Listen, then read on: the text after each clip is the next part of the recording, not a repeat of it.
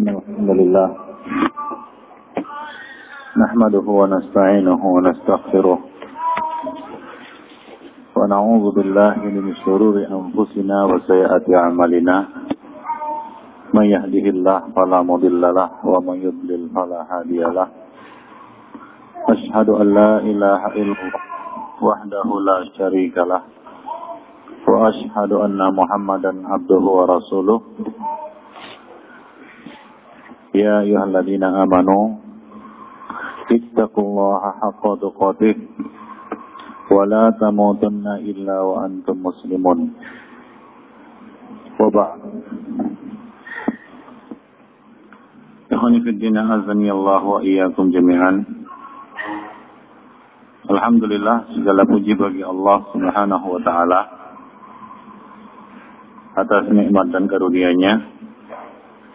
pada hari ini kita atau pada malam ini kita dapat bertemu kembali setelah uh, lebih kurang dua pekan ya kita tidak bertemu.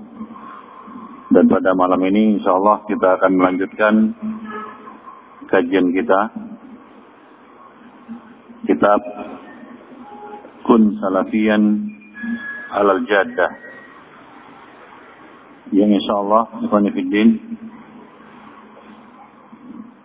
akan kita lanjutkan pembahasan tentang tawassut fil Islam wa sunnah pertengahan di dalam Islam dan di dalam sunnah. Ikhwanifiddin sebelum kita meneruskan kajian kita, ya, uh, hendaknya antum bisa memahami, ya, ke kekosongan ya, selama dua pekan ataupun nanti, ya, dan diharapkan kekosongan itu tidak membuat uh, semangat untuk menimba ilmu itu luntur. Ya apalagi tentunya tidak kosong. Akan ada ustadz-ustadz lain yang menggantikan. Baik itu kajian malam Selasa, Qaulul Mubin fi Aqsa'il Musallin, kajian malam eh, Sabtu di Al-Amin, ya kitab panduan amal sehari semalam, ataupun kajian pada malam ini, kajian manhaj pun salafin ala jada, maupun esok, besok pagi. Ya, kajian kitab Bulughul Maram. Ya tentunya Ikhwanifiddin, uh, talib, sebagai seorang talib, siogianya seorang talib itu sabar menunggu ilmu. Ya, dan ketidakhadiran muallim, ustadz atau guru, jangan dijadikan alasan. Ah, ustadznya nggak datang-datang. Nggak datang karena ada kesibukan. Ya, kecuali nggak mau datang beda. Ya, karena nggak berada di tempat.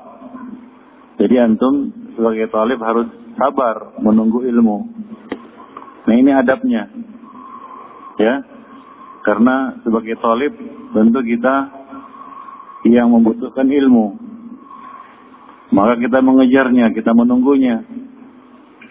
Ambillah teladan dari Abdullah bin Abbas radhiyallahu anhuma yang rela menunggu ya dari sore sampai pagi sampai orang yang ditunggunya yaitu seorang sahabat yang memiliki satu hadis yang belum didengarnya.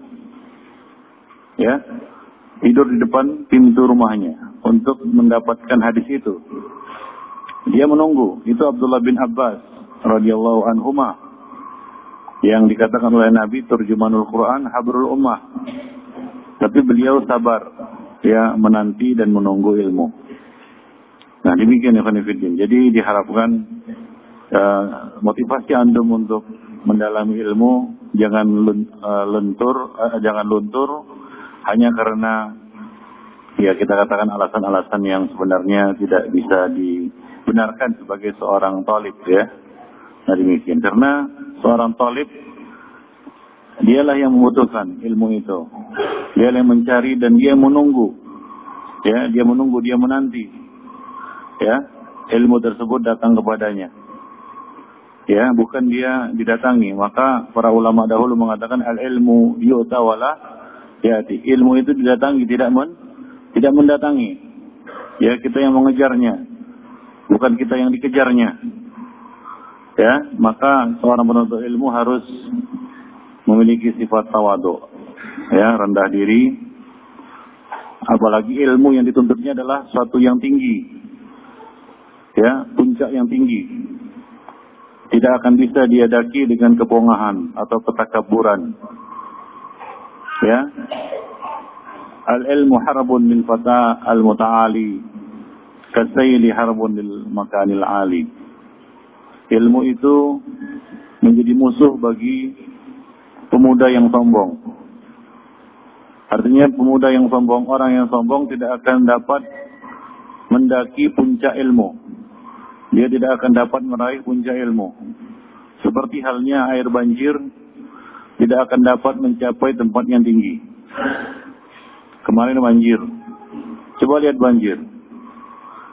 Ya, banjir itu tidak akan dapat mencapai tempat yang yang tinggi. Ya, makanannya adalah tempat-tempat yang rendah. Nah, demikian juga lah ikhwanifidin kebodohan adalah menjadi sarang bagi orang-orang yang berjiwa rendah.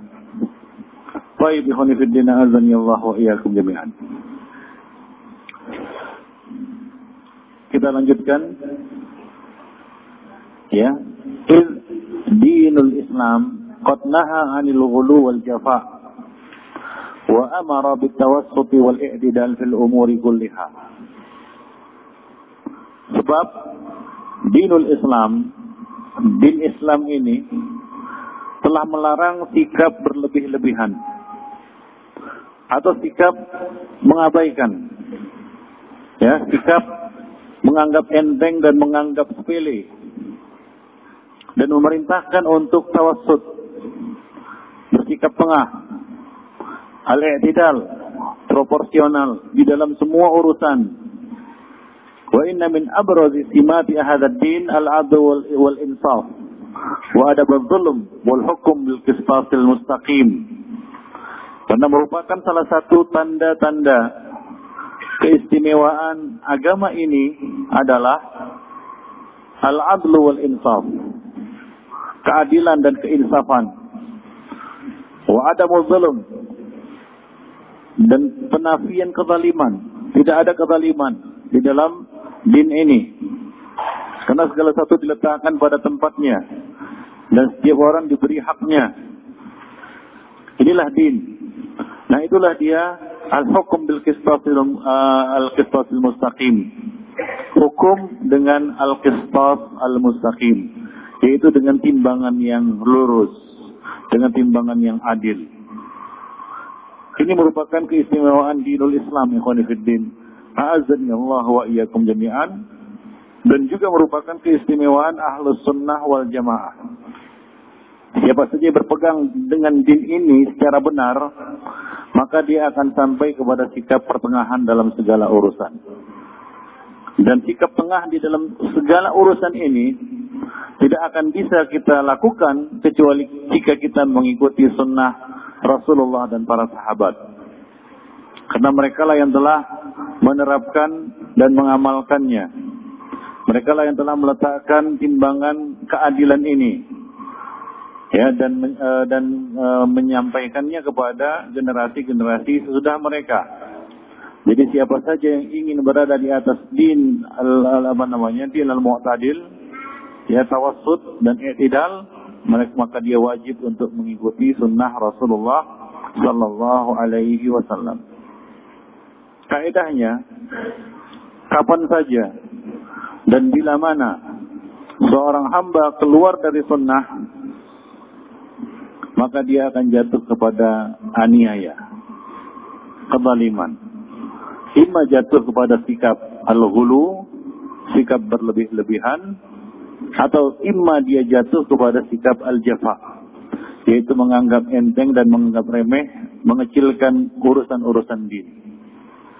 Ya, sebagaimana orang yang keluar dari dunia Islam akan jatuh kepada sikap zulum, kezaliman.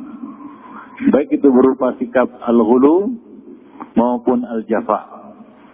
Seperti halnya orang-orang Yahudi dan Nasrani di dalam menyikapi siapa? Nabi Isa alaihi salam. Orang-orang Yahudi bersikap berlebih-lebihan dengan menuduh ya bahwasanya Nabi Isa adalah anak hasil berjinahan. Nah ini adalah ucapan mereka, ini adalah perkataan mereka dan Allah Subhanahu wa taala telah membersihkan nabinya dari tuduhan batil ini.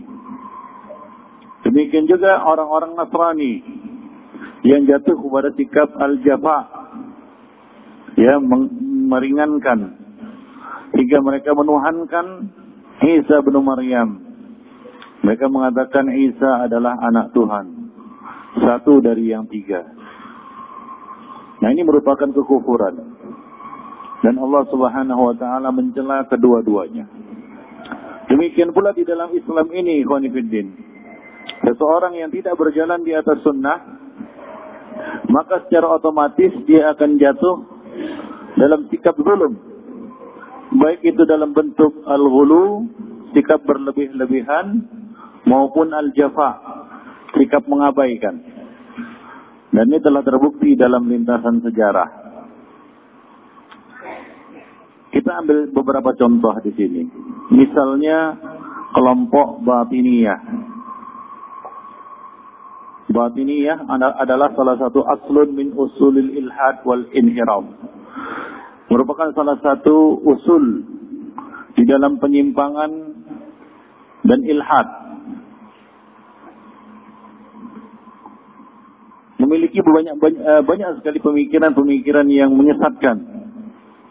Dari situ muncullah turunan-turunannya seperti Syiah, ya apa namanya, kemudian Hululiyah, Ittihadiyah, Bahaiyah dan seterusnya.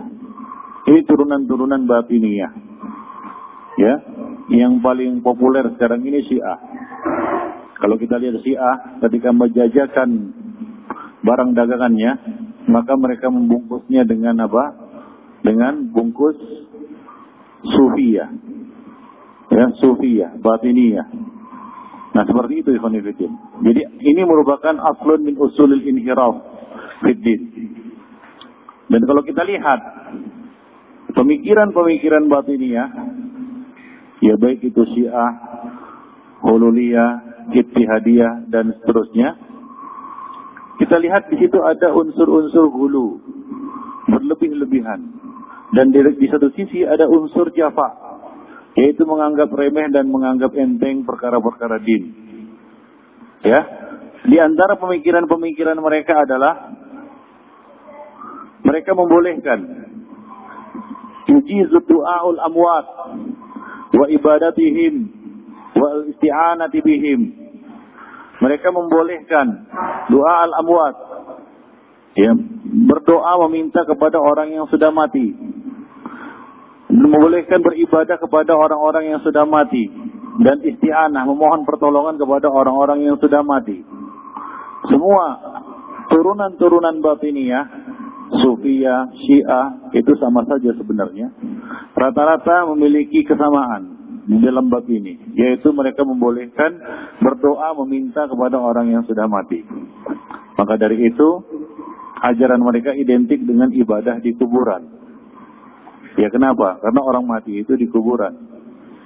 Maka ramailah kuburan-kuburan dikunjungi oleh orang-orang yang beraliran batiniah ini. Mereka berkeyakinan bahwa orang-orang yang mati ini, apalagi orang yang mati ini diklaim sebagai orang saleh, wali Allah, ya, bisa memberikan mudarat dan manfaat, bisa memberikan rezeki, bisa memberikan keturunan, bisa memberikan apa yang mereka minta. Intinya adalah mereka berkeyakinan orang-orang yang sudah mati ini bisa menjadi perantara antara mereka dengan Allah Subhanahu wa taala. Rata-rata ya kelompok-kelompok yang mengacu kepada aliran batiniah, Sufiyah, Syiah yang memiliki keyakinan seperti ini dan amalan-amalan yang ya mirip ya kita katakan. Maka dari coba lihat orang-orang Syiah. Apa yang ramai? Kuburan-kuburan. Yang di Kum. Ya ramai mereka bertawaf. Bukan tawaf di Baitillah, tapi tawaf di kuburan Khomeini. Tawaf mereka di situ. Ya mereka tiap tahun sekali mengadakan Id yaitu mendatangi kuburan di apa namanya di satu tempat di uh, wilayah mereka yang maka mereka klaim sebagai kuburan Hasan dan Hussein ya kuburan apa namanya Ali bin Abi Thalib dan kuburan-kuburan orang-orang soleh menurut anggapan mereka Nah ini ya merupakan salah satu bentuk gulu mereka di dalam agama. Ya, gulu di dalam agama. Nah kemudian mereka juga menisbatkan ilmu gaib dan kekuasaan mengatur alam semesta kepada manusia. Dalam hal ini adalah orang-orang yang mereka anggap wali. Ya, mereka anggap wali. Mereka bagi wali itu ada beberapa tingkatan. Ada wali kutub, ada wali abdal. Wali abdal adalah wali yang paling tinggi. Ini di atas wali kutub. Wali abdal adalah wali yang bisa menggantikan. Maka mereka menyebutnya wali abdal. Abdal artinya pengganti. Yang menggantikan tugas Allah subhanahu wa ta'ala mengatur alam semesta. Ya bisa memberi dan menahan rezeki. Nah, wali-wali abdal ini ya di kalangan orang Syiah mereka sebut ini adalah ya, apa namanya imam yang 12, 12 imam ya seperti Syiah Isna Asyariah berkeyakinan bahwa 12 wali yang ada pada mereka itu adalah wali abdal. Ya, wali abdal artinya apa? Wali abdal artinya wali yang memiliki pengetahuan tentang alam gaib. Tahu perkara yang gaib yang akan terjadi besok hari, masa yang akan datang dan punya kekuasaan untuk tasarruf fil qaun. Punya kuasa untuk mengatur alam semesta maka di kalangan Syiah ada keyakinan yang disebut al-bada. Lucunya al-bada ini tidak terjadi pada imam. Tidak terjadi pada wali, terjadi pada Allah Subhanahu wa taala. Coba lihat, ini kufur sore. Apa maksudnya keyakinan al-bada? Al-bada artinya Allah Subhanahu wa taala mengoreksi sesuatu yang diputuskan sebelumnya. Karena ada ilmu baru, pengetahuan baru yang terpaksa harus mengoreksi kebijakan sebelumnya. Namanya bada. Ternyata bagi Allah ternyata keputusan yang lalu salah diganti dengan keputusan yang lain. Nah ini keyakinan mereka bahwasanya ya Allah Subhanahu wa taala bisa mengganti keputusannya. Kenapa? Karena keputusan sebelumnya ternyata kurang bijak, kurang hakim ya maka diganti dengan keputusan yang baru dan ini tidak terjadi pada wali abdal coba lihat bagaimana kuasanya wali abdal lebih kuasa dari Allah Subhanahu wa taala ya bahkan secara sore seperti kaum ini di dalam hukumat Islamiyah dia menyebutkan bahwa ya eh, kuasa wali abdal ini lebih tinggi daripada Rabbul Alamin Ikhwani azani Allah wa iyyakum jami'an ya punya kuasa yang lebih tinggi Ya karena ini yang bersentuhan langsung di lapangan kata mereka seperti itu. Mereka kiaskan, mereka analogikan seperti presiden. Ya, kadang-kadang presiden salah, menterinya yang benar. Menteri nggak pernah salah, presiden yang terus salah. Kira-kira seperti itu. Ya analogi an analoginya ya Nah ini keyakinan yang ada pada mereka. Ya, ini ya. Syiah. Sufiyah juga demikian. Sufiyah juga mengenal istilah wali kutub, wali abdal. Ya, ini adalah satu keyakinan yang lazim, belum apa namanya, umum ada di kalangan mereka. Nah, kemudian di antara keyakinan mereka yang ini termasuk juga bentuk hulu ya, mereka di dalam agama adalah mereka menghukumi murtad jumhur sahabat illa nafaran minhum.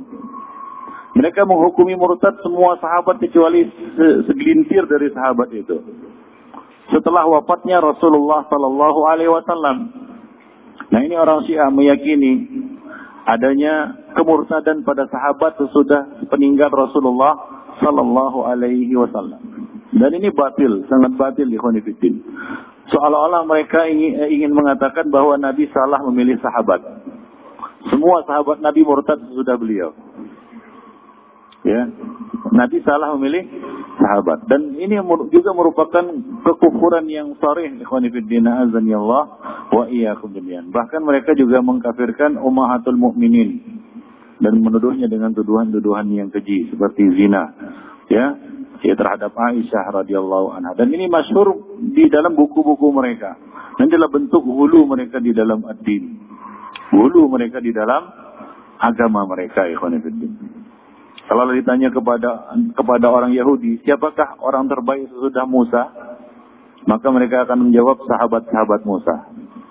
Kalau orang Nasrani ditanya, siapakah sahabat, orang yang terbaik sesudah Isa? Maka mereka menjawab Hawariyun, yaitu sahabat-sahabat Isa. Nah, kalau ditanya kepada Syiah, siapakah orang yang orang yang paling buruk? Ya, ya, apa namanya? Uh, sesudah uh, sesudah Rasulullah Sallallahu Alaihi Wasallam, maka mereka akan menjawab sahabat sahabat-sahabat Nabi. Ya, siapakah seburuk-buruk manusia? Ya, selain Nabi, maka mereka akan menjawab sahabat-sahabat Rasulullah Sallallahu Alaihi Wasallam. Nah, seolah-olah Allah Subhanahu Wa Taala salah ketika menurunkan ayatnya Muhammadur Rasulullah walladzina ma'ahu asyidda walal kufar ruhama'u bainahum. Jadi mereka mengkafirkan mayoritas sahabat kecuali enam. Ada yang mengatakan tiga. Ali bin Abi Thalib, ya uh, kemudian uh, Abu Dar dan Salman Al Farisi. Jadi tiga orang ini. Ada yang mengatakan enam. Mughirah bin Syubah dimasukkan ke dalamnya dan seterusnya. Baik. Ala kulihal, mereka mengkafirkan semua sahabat. Dan dalam prakteknya mereka mengkafirkan kecuali Ali. Ya, dalam prakteknya mereka mengkafirkan kecuali Ali bin Abi Thalib. Wallahu a'lam bishawab. Nah demikian fillah. Nah, di antara keyakinan mereka adalah mereka menjadikan perkataan imam ya sebagai din, sebagai agama maksum.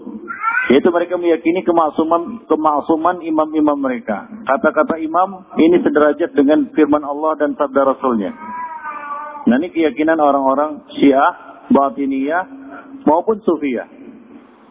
Ya kalau kita lihat orang-orang sufia ya seperti ini. Apa kata, apa moto mereka? Jadilah kamu di hadapan gurumu seperti ya mayit di hadapan orang yang memandikannya.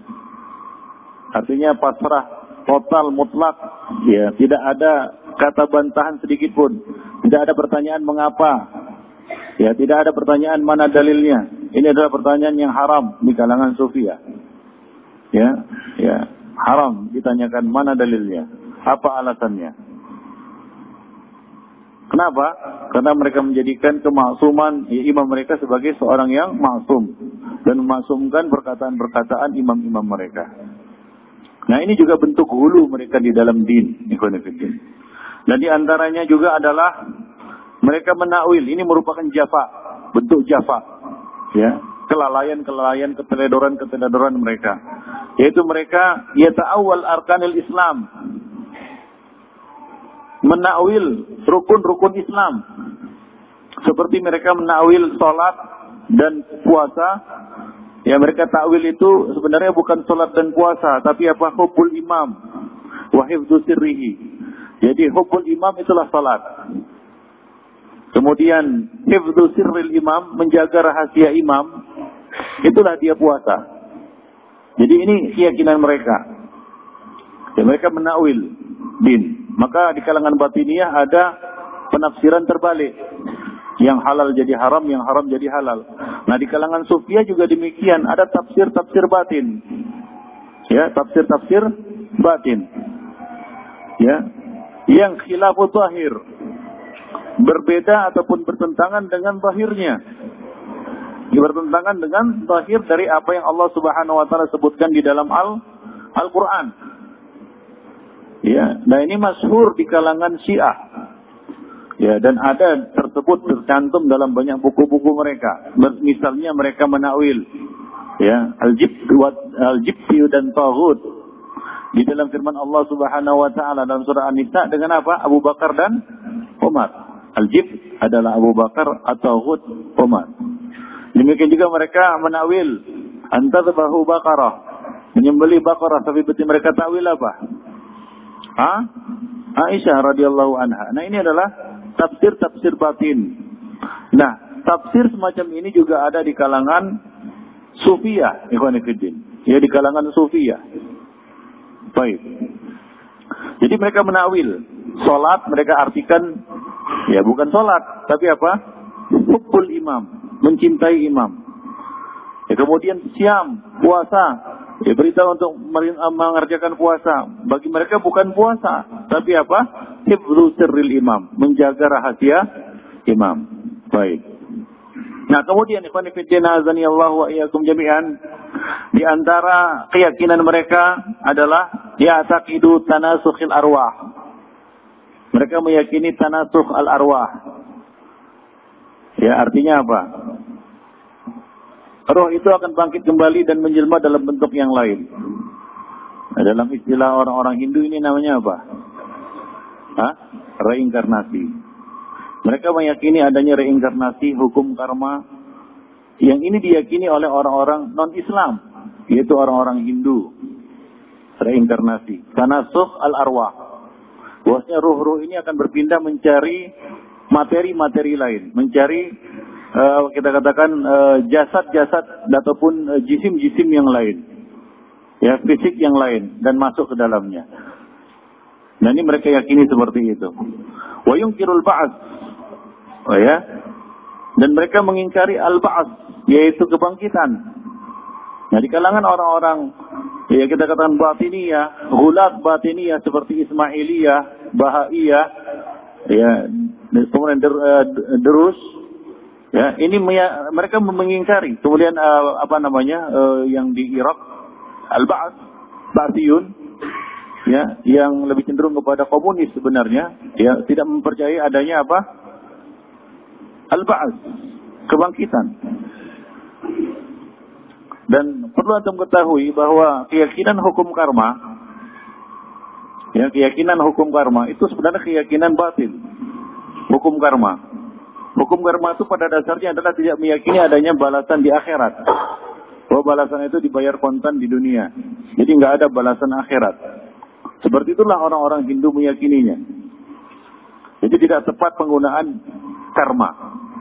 Ya, karena itu ya kata-kata yang mengandung unsur ta'abudi, etikodi di kalangan agama lainnya. Maka antum sebenarnya sebaiknya menghindari dan menjauhi penggunaan istilah karma.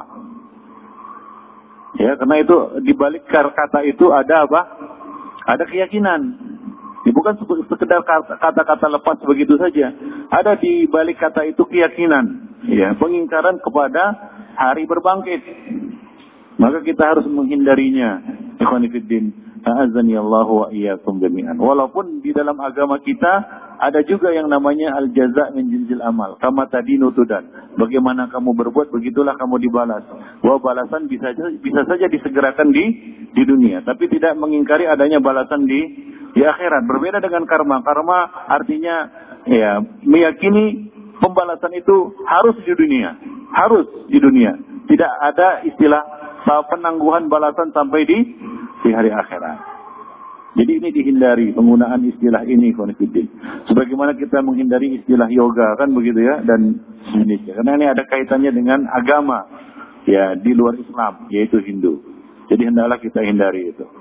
Nah itulah beberapa contoh sikap hulu, sikap berlebih-lebihan, melampaui batas yang ada pada kelompok batiniyah dan turunannya. Syiah dan kebanyakan dari uh, tarekat-tarekat sufiyah rata-rata memiliki keyakinan seperti ini. Maka tidak heran kalau orang-orang Syiah masuk kepada kaum muslimin itu tidak dengan baju Syiah. Tapi dengan baju Sufiyah. Sebagaimana mereka masuk juga ke Indonesia dengan baju Sufi. Ya, me, apa namanya, menawarkan ajaran-ajaran Sufi. Buku-buku mereka juga dipenuhi dengan apa? dengan ajaran-ajaran pemikiran-pemikiran sufia hingga orang-orang tertipu. Ya, kaum muslimin tertipu. Mereka katakan ini bukan Syiah. Ya, Ternyata di balik itu ya ketika dibuka bungkusnya ternyata apa? Syiah 100% mi'ah bil mi'ah adalah Syiah ikhwanifiddin. Jadi berhati-hati. Baik. Nah di antara kelompok ahli bid'ah ya kita ambil contoh yang kedua ya kalau tadi batini ya agama yang lebih mengedepankan perasaan khayal karena agama Syiah, agama Sufiyah adalah agama khayal. Agama perasaan, mengedepankan apa? Perasaan, khayal. Nah, berbanding terbalik dengan itu, ya, kelompok yang disebut Mu'tazilah. Ini adalah kelompok aklaniyah. Ya, Al-Mu'tazilah. Al-Mu'tazilah memiliki banyak beberapa penyimpangan-penyimpangan yang itu merupakan bentuk hulu mereka di dalam ad-din. Di antaranya mereka memiliki usul. Ya, Al-Mu'tazilah ini merupakan salah satu firqah aklaniyah yang pertama. Tokoh-tokoh mereka yang terkenal seperti Wasil bin Atta, Abu Hudail Al-Allaf, Abu Ali Al-Jubai. Ini adalah gurunya Abu Hasan Al-Ash'ari sekaligus ayah dirinya. Ya, ayah dirinya ketika beliau masih menganut paham Mu'tazilah. Ya, masyhur dalam sejarah bahwasanya beliau telah bertobat, nah kemudian meninggalkan pemikiran-pemikiran Mu'tazilah. Kemudian juga Al-Jahil. Al-Jahil ini adib, yaitu seorang ahli syair, ahli adab. Tapi masyhur pemikiran-pemikiran Mu'tazilahnya. Demikian juga Zamakhsyari, mufassir Ya, Zamakhsyari ini mufassir, ada tafsirnya, tafsir tafsir Zamakh Zamakhsyari. Di dalam tafsir itu dia menawarkan dan dia menjajakan pemikiran-pemikiran Mu'tazilah. Jadi itu beberapa tokoh-tokoh mereka ikhwan fillah azani Allah wa iyyakum jami'an. Baik. Di antara usul dan pemikiran mereka dan ini merupakan bentuk ya penyimpangan mereka dan bentuk hulu mereka di dalam ad-din adalah mereka mengenal ada lima lima uh, bukan apa ya rukun. Ya lima rukun lima asas lima kaedah. Kalau di jamaah tabligh seperti tabligh ini top begitulah. Apa? Enam rukun enam. Hah? enam rukun begitu. Nah Mu'tazilah juga demikian. Mereka punya lima rukun ya rukun yang pertama adalah al-adl Ad, adil apa yang dimaksud dengan adil yang mereka maksud dengan adil adalah nafyul qadar sabir. Penafian qadar, penafian takdir. Maknanya adalah al-qada, al-masyiah dan iradah. Ya. Fal qadar laisa illa ilmu Allah sabir. Yang namanya takdir itu adalah sesuatu yang Allah Subhanahu wa taala ketahui sesudah terjadi. Yang tidak Allah ketahui sebelum ter terjadi. Sesudah terjadi bahwa Allah barulah Allah Subhanahu wa taala mengetahuinya. Sebelum terjadi Allah tidak tahu. Nah, ini keyakinan mereka. Ya, salah satu keyakinan mereka. Mereka anggap itulah dia baru adil. Karena kalau Allah Subhanahu wa taala ini ini pikiran mereka. Ya. Mereka berpikir. Ya. Karena terlalu banyak berpikir jadi sesat. Karena berpikirnya tidak dibimbing dengan wah, wahyu. Kalau Allah Subhanahu wa taala mengetahui segala sesuatu sebelum terjadi, maka yang terjadi itu ada yang sesuatu yang disukai, ada sesuatu yang dibenci. Contoh sesuatu yang dibenci misalnya apa? Pencurian. Kemudian apa lagi? Perampokan. Ya, kemudian pemerkosaan, kemudian kejahatan, kekufuran, kemunafikan, ya, kerus apa, apa pertumpahan darah, peperangan, dan banyak lagi ketaliman-ketaliman yang terjadi di muka bumi. Pengingkaran, orang nyembah berhala, ya, orang saling mencaci maki satu sama lainnya. Ini adalah keburukan-keburukan. Nah, kalau Allah Subhanahu wa taala mengetahui segala sesuatu sebelum terjadi, maka konsekuensinya batil kata mereka. Artinya Allah tahu tapi membiarkannya. Jadi mereka tidak bisa membedakan antara apa? Al-mahabbah dan al-masyiah. Antara mahabbah dan al-masyiah. Kehendak dan apa? Kecintaan. Ya kita eh, tentunya al sunnah wal jamaah membedakan antara masyiah dengan apa? Dengan mahabbah. Tidak semua yang Allah Subhanahu wa taala kehendaki di dicintai, tapi sesuatu yang dicintai oleh Allah Subhanahu wa taala itu itu juga belum tentu semua ter, terjadi. Contohnya apa? Allah menghendaki manusia menyukai manusia agar apa? Wa ma khalaqul jinna wal insa illa liya'budun. Allah suka manusia itu beribadah. Ini ini adalah mahabbah. Satu yang di, di, di apa namanya disukai dan dicintai oleh Allah Subhanahu wa taala. Tapi apakah ini terjadi pada semua manusia? Apakah semua manusia menyembah Allah Subhanahu wa taala? Jawabnya tidak. Ya tidak semua orang menyembah Allah Subhanahu wa taala. Nah, ada orang yang tidak mau menyembah Allah Subhanahu wa taala. Nah, orang-orang yang tidak mau menyembah Allah Subhanahu wa taala ini apakah keluar dari Masyiah? Jawabannya tidak bagi ahlu sunnah. Kan begitu ya? Tidak keluar dari Masyiah Allah Subhanahu wa taala. Tapi bagi Mu'tazilah, ya mereka keluar dari kehendak Allah Subhanahu wa taala. Artinya itu itu di luar kehendak Allah Subhanahu wa taala. Allah tidak menghendakinya. Karena Allah tidak mengetahuinya. Nah demikian. Maka Al-Imam Syafi'i mengatakan, ya, jika kamu ingin mematahkan hujah Mu'tazilah, maka hujah mereka ya dengan apa? Dengan ilmu Allah. Tanyakan kepada mereka, apakah Allah tahu sebelum terjadi dan sesudah terjadi atau hanya tahu sesudah terjadi? Nah, konsekuensinya tentunya batil ikhwan fillah. Azani Allah wa iyyakum jami'an. Jadi yang mereka maksud dengan keadilan adalah nafyul qadar. Ya, coba lihat membungkusnya dengan suatu yang indah. Tapi ternyata apa? Di dalamnya racun. Nah, ini adalah kebiasaan ahli bid'ah membungkus suatu dengan dengan dengan suatu kata-kata yang indah. Keadilan kan begitu ya. Keadilan. Ya. Ada partai ke adilan, adil Tapi nggak adil kan gitu ya. Ikhwan fillah azani Allah wa jami'an. Demikianlah. Ya, ahli bid'ah menggunakan syubhat-syubhat, memenggal-menggal ayat, dalil, mengambil satu dalil dan membuang dalil yang lainnya. Ya, kemudian apa? Membungkus sesuatu dengan apa? Dengan yang seolah-olah rahmah. Tapi di balik itu apa? Azab. Ikhwanifidin. Wa min kibalil azab. Ya, di balik itu adalah azab. Di balik itu adalah kebatilan. Seperti mereka berdalil dengan dalil-dalil yang umum. Ya, dengan kata-kata yang mujmal. Ya, dengan kata-kata yang masih global. Dengan perkataan yang masih global. Nah, ini merupakan ciri dari ahli bid'ah. Ya, Allah Subhanahu wa taala telah menyebutkan sifat mereka di dalam Al-Qur'an, yaitu orang-orang yang suka mengikuti apa? asyubuhat. Ya. Yang mengikuti syubhat yaitu dalam surat Ali Imran. Allah Subhanahu wa taala telah menyebutkannya dan Nabi sallallahu alaihi wasallam mengatakan, ya, ya, itulah dia ciri-ciri mereka. Maka hindarilah, fahdarhum. Ya, hati-hatilah terhadap mereka. Baik. Jadi mereka mengatakan al-adlu, keadilan.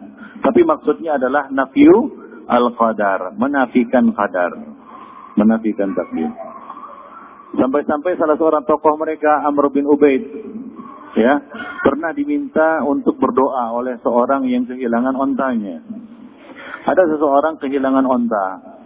Dia minta doa kepada Amr bin Ubaid, salah seorang tokoh Mu'tazilah. Wahai imam, karena dia orang alim, dikenal sebagai orang alim, tapi pahamnya Mu'tazilah. Tolonglah berdoa kepada Allah, minta kepada Allah supaya ontaku kembali. Maka dia pun berdoa dengan khusyuknya. Dia katakan, Ya Allah, sebagaimana engkau tidak menghendaki ontanya dicuri, tapi dicuri, maka kembalikanlah ontanya. Maksudnya dia ingin menafikan bahwa pencurian itu atas kehendak Allah dan atas pengetahuan Allah. Allah tidak tahu ontanya dicuri. Dan Allah tidak berkehendak ontanya dicuri. Tapi dicuri juga. Maka kembalikanlah ontanya. Maka Arab Badui ini yang masih lurus fitrahnya mengatakan, kalau begitu tidak usah berdoa saja, lebih bagus tidak usah berdoa. Karena ternyata dia lebih pintar daripada imam ini. Imam ahli bid'ah ya, Mu'tazilah. Dia lebih pintar. Dia berkata, aku khawatir Allah Subhanahu wa taala nanti menghendaki ontaku dikembalikan tapi ternyata tidak kembali. Sebagaimana Allah menghendaki ontaku tidak tercuri tapi ter tercuri. Aku khawatir Allah menghendaki ontaku dikembalikan ternyata tidak kembali. Demikian ikhwan fillah azan ya Allah wa iyyakum jami'an. Baik. Jadi dia lebih pintar dari dari si imam ini. Maka dia pun tidak jadi minta doa kepada Amr bin Ubaid. Baik, salah seorang tokoh Mu'tazilah. Ikhwan fiddin. Yang kedua, aslun min usulil Mu'tazilah adalah at-tauhid. Wah, ini tauhid. Ya, seperti halnya juga kelompok-kelompok bid'ah menggunakan istilah tauhid. Kalau antum belajar tarekat ada juga pelajaran tauhid, kan begitu ya? Nah, di kalangan Mu'tazilah, di dalam uh, kita katakan man, man, manhaj Mu'tazilah, di dalam akidah Mu'tazilah juga mereka menggunakan istilah tauhid. Intinya antum jangan tertipu dengan istilah. Antum jangan tertipu dengan judul. Antum jangan tertipu dengan label. Ya, tapi lihatlah isinya. Kadang-kadang diberi nama apa? Fanta. Sprite kan begitu Sprite. Wah, lagi haus. Ya, sangat ingin untuk meneguknya kan begitu ya. Nah, ketika diteguk rupanya apa? Khamr. Mabuk, ikhwan. Azani Allah wa iyyakum jami'an. Khamar ternyata. Kamput. Mabuk dia. Kadang-kadang seorang itu sudah menciumnya. Sudah tercium olehnya. Tapi ini di, judulnya apa? Sprite. Dicium bukan Sprite. Ya, tapi karena dia berpatokan kepada apa yang tertulis, tidak apa yang ada di dalamnya, maka dia pun meminumnya. Sebagian orang seperti itu. Kadang-kadang sudah tercium olehnya. Wah ini nggak betul. Ini bukan tauhid nih. Tapi dia teguk juga. Tapi dia makan juga. Akhirnya dia sesat. Jadi lihat. Jangan tertipu dengan apa? Dengan slogan. Jangan tertipu dengan judul. Jangan tertipu dengan label. Sekarang ini banyak ya, dibuat label-label islami. Semuanya serba islami. Iya kan? Semuanya islami. Ya, tapi apakah benar-benar islami? Nah, jawabannya tentunya kita harus melihat kontennya. Kita harus melihat isinya. Apa hakikat sebenarnya? Nah, demikian juga di sini tauhid indal mu'tazilah. Ya, kita katakan tauhid indal mu'tazilah. Apa maksud tauhid? Ya, yang yang mereka maksud dengan tauhid adalah nafiyus sifat kulliha. Menafikan sifat-sifat Allah Subhanahu wa taala. Lagi-lagi menurut pemikiran mereka. Menurut pemikiran mereka, menetapkan sifat-sifat Allah ini berarti menduakan Allah. Bahkan meninggalkan Allah, bahkan membilangkan Allah dengan bilangan yang banyak. Kalau kita menetapkan apa? Allah itu memiliki sifat rahmah, Allah itu memiliki sifat apa? Uh, apa namanya? Uh, uh, al-irada dan lain sebagainya, sifat-sifat Allah yang banyak sekali di dalam Al-Quran, berarti kita telah menuhankan Tuhan yang banyak menurut mereka ya menurut mereka. Jadi mereka mensifati Allah dengan sifat sifat apa? An-nafi. Allah tidak begini, Allah tidak begini, Allah tidak begini. Tanpa isbat. Nah itu Mu'tazilah ikhwanifidin. Nah itulah yang mereka maksud dengan apa? At-tauhid. Nafiyu sifat. Jadi ya tauhid asma wa sifat menurut Mu'tazilah adalah nafiyu sifat. Jadi mereka mensifati Allah dengan sifat-sifat nafi. Allah tidak begini, Allah tidak begini, Allah tidak begini. Ya, kita katakan penafian sifat bukan madah dalam bahasa Arab. Bahkan di kalangan umat manusia juga bukan madah. Kalau antum dikatakan ah, kamu ini tidak zalim, kamu tidak jahat, kamu tidak begini, begini, begini. Itu apakah berarti madah? Belum berarti madah, ikhwan Belum berarti pujian. Nah itulah yang dilakukan oleh Al-Mu'tazilah ya, di dalam akidah mereka. Mereka sebut tauhid, tapi hakikatnya adalah nafyu sifat. Ya, nafyu sifat. Seperti yang pernah terjadi dialog antara Mu'tazilah, Asy'ariyah dan Ahlus Sunnah. Mu'tazilah mendebat Asy'ariyah. Asy'ariyah menetapkan tujuh sifat. Iroda, kalam, kan begitu ya, hayat, kemudian as-sama, basar, kan begitu ya, al-alam, ya, al-wahdaniyah. Ini ditetapkan oleh apa? Oleh al-as'ariyah, tujuh sifat. Ya, sifat yang tujuh kata mereka. Ini harus kata mereka. Menurut akal tujuh sifat ini harus ditetapkan uh, bagi Allah Subhanahu wa taala, bukan berdasarkan dalil ya. Maka dari itu beda. Ketika Asy'ariyah menetapkan tujuh sifat itu bukan dengan dalil. Tapi dengan apa? Dengan keharusan. Akal wajib untuk menetapkannya. Hayat, iroda, ya, kalam. Nah ini harus kata mereka menurut akal harus ditetapkan bagi Allah. Maka mereka pun didebat oleh Mu'tazilah. Mu'tazilah mendebat mereka dan mengatakan, ya, apa yang kalian nafikan dari Allah ada pada apa yang kalian tetapkan untuk Allah. Kalian nafikan sifat ghadab. Kata-kata kata kalian ghadab itu adalah kegoncangan dalam hati dan itu menyerupai makhluk. Kalian nafikan sifat rahmah. Karena rahmah itu adalah kecondongan hati kepada sesuatu. Itu ada pada makhluk. Maka harus dinafikan dari Allah subhanahu wa ta'ala. Apa yang kalian nafikan itu ada pada uh, pada sifat-sifat yang kalian tetapkan. Irodah. Irodah itu adalah ya perpindahan dari satu kehendak kepada kehendak yang lain. Dan itu merupakan sifat makhluk. Karena makhluk juga punya apa? Kehendak. Punya irodah juga makhluk. Antum punya irodah? Punya. Bahkan hewan juga punya iroda. Kalau nggak punya iroda, mereka nggak akan berkembang biak. Demikian juga manusia. Iya kan? Jadi mereka punya kehendak. Dan ini ada pada manusia, ada makhluk. Maka harus dinafikan dari Allah Subhanahu wa taala. Jadi kalian tanggung. Jangan tetapkan tujuh sifat itu. Ikuti kami. Kami menafikan semua sifat. Itu Mu'tazilah. Jadi mereka menafikan nama-nama dan sifat-sifat. Bahkan nama, kata mereka itu adalah nama, ya, layatullu alal musamma. Paham maksudnya? Nama yang tidak menunjukkan, ya, pemilik nama.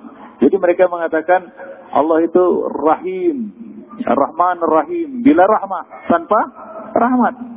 Allah itu Alim, nama Allah Al-Alim, As-Samiul Alim, bila ilm, tanpa ilmu. Nah itu Mu'tazilah Jadi mereka tidak menetapkan nama dan sifat-sifat Allah Subhanahu wa taala.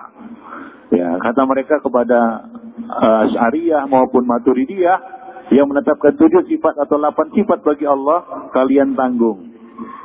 Ya, karena kalian ya menghindari penetapan sifat-sifat yang banyak dan hanya menetapkan segelintir sifat saja yang itu juga ada mahdurnya ya pada ya uh, seperti uh, sifat-sifat yang kalian nafikan. Baik. Maka fabuhita al-asyariyun. Bungkamlah orang-orang asyari. Lalu datanglah ahlu sunnah. Berkata kepada al-mu'tazilah. Wahai mu'tazilah. Kalian menafikan semua sifat-sifat Allah. Iya. Kata mereka. Kenapa? Karena kalau ditetapkan sifat-sifat ini, maka Allah akan sama dengan makhluk. Akan banyak Allah. Ya, Allah yang ini, Allah yang itu. Nah, kami menafikan semuanya. Maka ahlu sunnah mengatakan, Baik, apakah kalian juga menafikan sifat wujud bagi Allah? Wah, kalau wujud enggak. Kami meyakini Allah itu ada wujud, ada zatnya, ada zat Allah. Kalian meyakini adanya zat Allah, Allah punya zat. Iya, kami meyakini adanya zat Allah. Sama seperti makhluk. Makhluk juga punya zat. Makhluk juga punya sifat wujud. Ada. Ya, maka orang-orang Mu'tazilah mengatakan ya tentunya tidak samalah dengan Allah. Zat Allah nggak sama dengan zat makhluk, walaupun sama-sama punya zat. Wujud Allah tidak sama dengan wujud makhluk. Ya, wujud Allah ya tersendiri, kata saya pintar juga sih kan gitu. Ya begitu juga semua sifat. Apa bedanya dengan ya kita menetapkan zat dan wujud bagi Allah Subhanahu wa taala? Ya. Dan kita tetapkan juga itu untuk makhluk. Tentunya kita akan katakan zat Allah yang layak bagi Allah. zat makhluk yang layak bagi makhluk. Demikian wujud Allah ya, yang layak bagi Allah. Bagaimana wujud Allah kan kita nggak tahu, nggak dijelaskan kefiatnya kan begitu ya. Wujud manusia sesuai dengan wujudnya. Maka bungkamlah orang-orang mau Mu'tazilah. Bahkan ikhwan fillah karena sangkin bingungnya ya sebahagian Mu'tazilah yang dikenal dengan sebutan Hulatul Mu'tazilah, Hulatul Jahmiyah bahkan ada yang mengingkari wujud Allah. Coba bayangkan. Untuk lari dari mahdur ini, lari dari konsekuensi pemikiran mereka. Mereka mengingkari adanya zat Allah. Kata mereka Allah tidak punya zat. Allah adalah sesuatu yang ada dalam khayal manusia. Nggak ada wujudnya. Bahkan nggak ada zatnya. Coba lihat. Jadi mereka ini, kata Ibnu Taimiyah, menyembah sesuatu yang bukan tidak ada. Mumtaniat, mustahil. Sesuatu yang mumtani, sesuatu yang mustahil. Ya, atau yang makdum, yang tidak, yang tidak ada. Ya, yang tidak ada. Ya, kata mereka apa? Allah itu tidak ada zatnya, tidak ada wujudnya. Allah ada sesuatu yang ada dalam pikiran manu, manusia. Ujung-ujungnya ya bertemulah mereka dengan sufia. Sebagian dari apa namanya Mu'tazilah, gulat Mu'tazilah ini, Jahmiyah ini ada yang menuhankan dirinya. Bahkan ada yang mengatakan jatuh kepada ateis, yaitu Allah tidak ada, sudah. Hingga ada di antara mereka yang nggak sholat selama 40 hari, kemudian akhirnya taubat. Al-Amidis 40 hari nggak sholat. Kita bingung dia. Siapa Rob yang disembahnya? Bingung dia. Ya, banyak itu kisah-kisah taubatnya orang-orang Mu'tazilah. Karena ketika dia gunakan akalnya, ya dia berputar-putar di situ dan bingung. Ya karena akal tidak bisa memberikan jawaban yang pasti dan memuaskan. Hingga akhirnya kembali kepada akidah al-ajaib, yaitu akidah umum kaum muslimin. Akidah yang sejalan dengan apa? fitrah. Nah itu itu asal kedua mereka, rukun kedua mereka yaitu tauhid. Yang hakikatnya adalah apa? Nafyus sifat. Kemudian di antara keyakinan mereka ada yang mereka sebut sebagai manzilah bainal manzilatain. Al manzilah bainal manzilatain. Apa maksudnya ini? Manzilah bainal manzilatain artinya ya satu di antara dua status yaitu al-qaul bi fisqi afa'il kabira. Pendapat ataupun perkataan yang memfasikkan ataupun menghukumi fasik pelaku dosa besar dan menafikan iman darinya dan meyakini bahwa dia kekal dalam neraka. Jadi di, di dunia dia dihukumi tidak mukmin dan tidak kafir. Nah inilah yang disebut manzilah baina manzilatain. Hukum dunianya mereka katakan orang yang melakukan dosa besar tidak disebut mukmin dan tidak disebut kafir. Tidak disebut mukmin, tidak disebut muslim, tapi tidak juga disebut kafir. Tengah-tengah antara keduanya.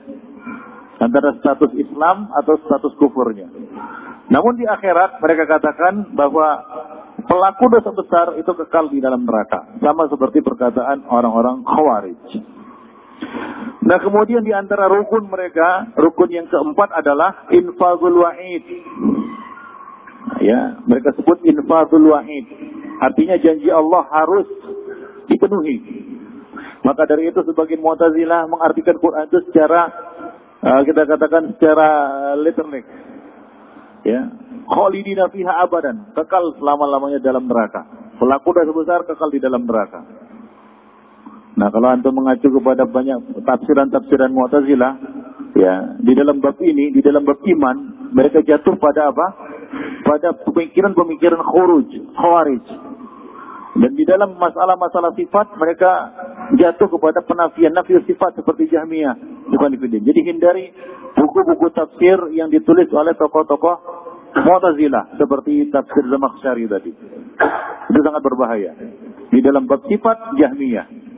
Di dalam bab iman, khawarij. La khaira fiha, kata para ulama. Tentang tafsir Zamakhsari ini. Maka itu dihindari. Maka antum jangan salah pilih tafsir. Sekarang banyak tafsir kan begitu ya. Muncul tafsir ini, tafsir itu. Kadang-kadang tafsir yang dinisbatkan kepada penulisnya. Dan biasanya buku tafsir itu dinisbatkan kepada penulisnya. tafsir Jamaktari, tafsir Fulan dan tafsir Fulan, tafsir Bagawi, kan, tafsir Nukasir Tabari. Biasanya kitab tafsir itu dinisbatkan kepada penulisnya. Nah hati-hati, coba lihat siapa penulisnya. Jangan sembarang memilih kitab tafsir. Ambil saja yang sudah jelas.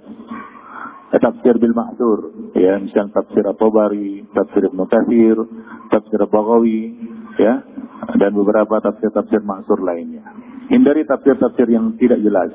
Apalagi tafsir-tafsir mutaakhirin. Ya, ada tafsir Al-Misbah. Ada tafsir apa lagi? Hah? Zilalul Quran. Kemudian apa lagi? Tafsir Al-Azhar. Ya, itu dihindari. Ya, tafsir-tafsir seperti itu. Ambil saja yang sudah apa? Sudah jelas. Ambil yang sudah eh, kita katakan direkomendasi oleh para ulama. Jadi tinggalkan tafsir-tafsir yang tidak jelas itu. Baik, apa yang mereka maksud dengan infazul wa'id? Yang mereka maksud dengan infazul wa'id adalah fa'il kabirah la budda ayu azab illam yatub. Bahwa pelaku dosa besar harus diadab. Jadi mereka tidak mengenal adanya pengampunan Ya dari Allah Subhanahu wa taala keluarnya para pelaku dosa besar atau orang-orang yang berdosa dari kalangan umat Muhammad dari neraka. Mereka menolak hadis-hadis yang berkaitan atau bercerita tentang dikeluarkannya orang-orang yang ada di dalam hatinya sebesar biji darah dari ke keimanan. Dan mereka berpatokan berpegang kepada ayat-ayat yang sifatnya umum, khalidina fiha abadan, khalidina fiha dan lain sebagainya. Artinya mereka katakan Allah harus melakukan melaksanakan janjinya. Nah kalau Allah tidak melaksanakan janjinya artinya Allah memungkiri janji. Allah katakan harus uh, khalidina Jadi mereka berpatokan kepada apa namanya kita kan hal-hal yang tekstual. Ya, yang mujmal, yang global dan meninggalkan perincian yang disebutkan di dalam sunnah. Nah dalam hal ini mereka menolak hadis-hadis tentang keluarnya para pelaku dosa besar dari di, dari apa namanya dari neraka dengan alasan uh, itu hadis-hadis ahad. Hadis-hadis ahad tidak bisa digunakan di dalam bab akidah. Hadis-hadis ahad apabila bertentangan dengan zahir Quran maka ditolak. Nah seperti itu ikhwan fillah. Mereka bermain-main dengan kaidah-kaidah yang batil. Ya, yang sebenarnya itu adalah kaidah-kaidah kalamiah, filsafat. Nah, sahih. Jadi yang mereka maksud dengan infadul wa'id adalah para pelaku dosa besar nggak keluar dari api neraka. Terus diadab di dalam neraka. Ya, jadi nggak ada istilahnya pengampunan dosa dan dikeluarkannya orang-orang yang beriman dari dari api neraka. Baik, kemudian yang kelima, rukun kelima mereka mengenal istilah amar ma'ruf nahi mungkar. Nah, sekarang ini juga banyak ya lembaga-lembaga, kelompok-kelompok yang mengatasnamakan amar ma'ruf nahi nahi mungkar. Dulu juga ada. Dulu sebelum kelompok-kelompok ini muncul, Mu'tazilah lebih dulu menyuarakan ini di dalam rukun mereka, di dalam akidah mereka. Mereka katakan amar ma'ruf nahi mungkar. Tapi apa yang mereka maksud dengan amar ma'ruf nahi mungkar? Yang mereka maksud nah amar ma'ruf nahi mungkar adalah wujubul khuruj. Wajibnya khuruj. Bukan khurujnya matablik. Wajibnya membangkang, wajibnya memberontak kepada apa? Alal hakimil muslim, injara au zalam. Wajibnya keluar dan membangkang, memberontak kepada penguasa muslim apabila dia berbuat apa? Zalim, berbuat salah, berbuat dosa. Jadi sedikit saja ada kesalahan dari imam, dari penguasa, dari hakim, maka mereka menyatakan boleh mengangkat senjata dan memberontak penguasa. Nah ini salah satu usul mereka. Dan di sini mereka bertemu dengan apa? Dengan kaum khawarij. Jadi intinya ahli bid'ah ini satu sama lainnya itu ada linknya, ada nyambungnya satu sama lain, ada ketemunya. Karena mereka hakikatnya adalah ya satu sebenarnya. Ya, akhirnya satu. Al bid'ah itu akhirnya satu. Mengacu kepada satu perkara. Yaitu apa? Kalau tidak gulu jatuh kepada al-jafa. Baik, ikhwan fillah azani Allah wa iyyakum. Jadi yang mereka mereka maksud dengan amar ma'ruf nahi mungkar adalah wujubul khuruj alal hakimul muslim. Wajibnya keluar memberontak terhadap penguasa muslim. Ya, apabila penguasa muslim itu berbuat dosa. Demikian ikhwanifiddin azani Allah wa iyyakum jami'an. Jadi ini merupakan keyakinan-keyakinan Mu'tazilah di mana dengan keyakinan ini mereka keluar dari ahlus sunnah wal wal jamaah. Bahkan keluar dari mana? Dari fitrah. Ya keluar dari fitrah seperti ya apa namanya keyakinan mereka tentang ya penafian sifat-sifat Allah Subhanahu wa taala. Nah, kemudian ikhwatifiddin contoh berikutnya ya yang merupakan turunan dari Mu'tazilah atau kembarannya adalah Al-Asy'ariyah atau Al-Asy'ariyah. Asy'ariyah. Ya. Hampir sama dengan Mu'tazilah di dalam bab uh, sifat. Ya, menafikan sifat-sifat Allah Subhanahu wa taala. Di antara tokoh-tokoh Mu'tazilah, Afan Ash'ariyah yang populer adalah Abu Bakar Al-Bakilani, Abdul Malik Al-Juwaini, atau dikenal dengan sebutan Imam Al-Haramain. Kemudian Abu Hamid Al-Ghazali, ya Imam Ghazali. Kemudian Abu Bakar Ar-Razi, Ar-Razi. Baik, nah ini adalah uh, kita katakan ashar ya rijalihim, ya tokoh-tokoh mereka yang populer. Nah, kita keluarkan Abdul Hasan Al-As'ari, walaupun ini kelompok ini dinisbatkan kepada beliau, kenapa? Karena beliau sudah taubat dan keluar dari akidah ini di akhir hayat beliau. Dan taubat beliau itu beliau sempurnakan dengan menulis apa? Buku. Ada tiga buku yang masyhur dari beliau yang ditulis oleh beliau. Ya Al-Ibana, kemudian eh, apa namanya Risalah ila Al-Saghar, kemudian yang ketiga Al-Maqalat Al-Islamiyin. Ya, di dalam buku ini beliau menjelaskan akidah beliau. Ya, secara jelas di dalam kitab Al-Ibana beliau mengatakan, ya sesungguhnya akidah agama yang aku yakini kebenarannya ya adalah apa yang diyakini oleh Imam Ahlus Sunnah wal Jamaah Ahmad ibnu Hambal. Jadi beliau menyatakan secara terang, secara jelas bahwa akidah beliau adalah akidah yang diyakini oleh Imam Ahmad ibnu Hambal, Imam Ahlus Sunnah wal wal Jamaah. Nah demikian yang fiddin. Azani Allah wa iyyakum jami'an. Dan di antara ya, penyimpangan-penyimpangan dan kesesatan al-Asy'ariyah ini adalah ya, ya dikenal ini mereka memiliki beberapa kaidah-kaidah. Di antaranya adalah mereka menolak hadis ahad di dalam bab akidah. Itu keyakinan Asy'ariyah. Mereka menolak hadis ahad di dalam bab akidah. Kemudian mereka juga berkeyakinan ya bahwa nas-nas Al-Quran dan As-Sunnah layak yasluh. Tidak tidak pantas. Atau tidak tidak tidak tidak berlaku. Ya. Tidak bisa dipakai maksudnya. Fi ifadatil i'tiqad al-qat'iyyah untuk menetapkan perkara-perkara qat'i di dalam perkara di dalam di dalam akidah untuk menetapkan hal-hal yang qat'i di dalam perkara-perkara akidah. Nah, ini keyakinan mereka. Jadi, dari mana uh, uh, Al-Asyairah ini menetapkan akidah mereka? Bukan dari nas. Bukan dari nas, tapi dari al-aql. Karena mereka mendahulukan akal, kepastian akal daripada apa? Daripada nas-nas Quran dan Sunnah. Daripada nas-nas Al-Quran dan Sunnah. Karena kata mereka, nas Quran ada kemungkinan muawwal. Memiliki takwil yang yang lain. Adapun hadis-hadis Nabi ada kemungkinan tidak sahih, ya, dhanniyus subut dan dhanniyud dalalah. Jadi kata mereka, nas-nas Quran itu ada kemungkinan dhanniyud dalalah. Artinya apa? Kandungannya masih dhanni. Maksudnya masih dhanni. Tafsirannya masih dhanni. Apakah itu yang dimaksud atau tidak? Karena ketika mereka meyakini Allah ada di mana-mana, mereka katakan, hadis eh, ayat-ayat yang secara zahir menyatakan Allah itu mustawin ala arsihi, bersemayam di atas aras, itu masih zanniyud dalalah, kata mereka. Dalalahnya masih zanni. Ya, kandungannya masih zanni. Ya, kandungannya masih zanni. Maknanya masih zanni. Walaupun itu qatiyus sebut. Nggak bisa dibantah kesahihannya, karena ayat. Adapun hadis Nabi ketika menyebutkan tentang sifat-sifat Allah seperti Allah turun ke langit dunia, ya. Allah turun ke langit dunia pada sepertiga akhir malam. Ini hadis sebenarnya mutawatir. Banyak yang meriwayatkannya. Nah kalau kita mengacu kepada kaidah mereka, ini ini hadis sesuai dengan apa? Syarat-syarat mutawatir.